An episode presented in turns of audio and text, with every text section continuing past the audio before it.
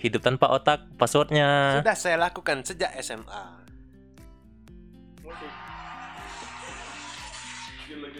Ah, Suara tepuk tangan yang sangat bagus. Mantap sekali. Sangat real Terima sekali. kasih penonton atas tepuk tangannya. Jadi gimana Halil? Hari ini mau masuk materi apa kita hari ini? Halil? Kalau saya sih terserah yang pewawancara. Siap siap. Sebagai narasumber saya selalu siap sedia untuk menjawab pertanyaan. Wow siap super sekali pertanyaan. Saya sudah belajar, sudah dikasih kisi-kisi. siap siap. Jadi saya ini penasaran Pak Halil dengan nasib-nasib mahasiswa yang Pak. Saya perhatikan itu orang-orang yang IPK-nya rendah itu justru banyak sukses Pak Halil. Bisa jelaskan kenapa mekanisme dokter seperti itu Pak Halil? Kalau menurut saya IPK is just a number. Tapi kalian bisa setuju atau bisa tidak. Karena kenapa bisa seperti itu? Ya memang IPK bukan IPK bukan segalanya tapi segalanya butuh IPK dalam artian IPK tidak bisa menjadi suatu suatu suatu titik su- su- suatu titik tumpu yang dijadikan acuan. Jadi maksudnya dengan berapapun IPK kita tidak akan menjamin masa depan kita, begitu ya? Ya tergantung. Kalau IPK kalian ya seperti ya di bawah rata-rata seperti satu atau berapa,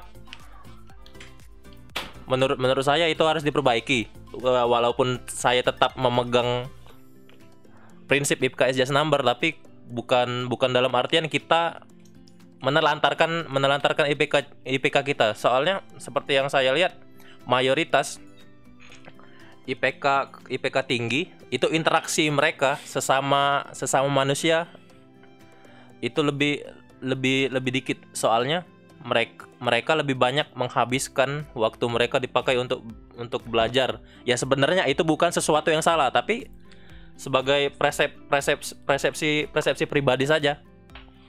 Oh, jadi dengan kata lain, uh, tidak peduli berapapun IPK yang kita miliki, kita tetap harus memperbaiki diri ya.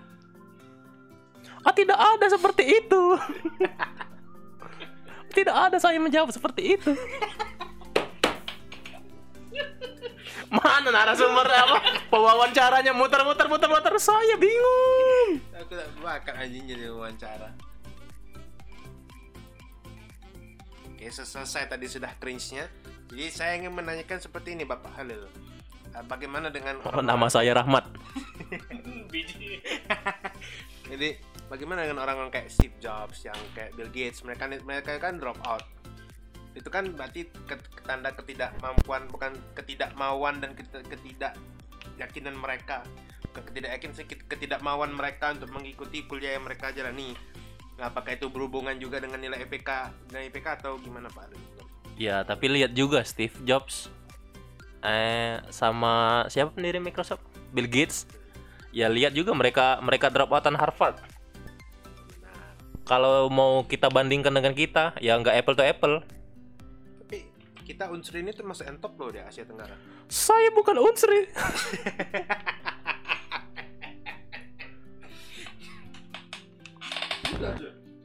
Mas. Keren anjing lancarnya keren. Iya, kering nih. eh iya dia dia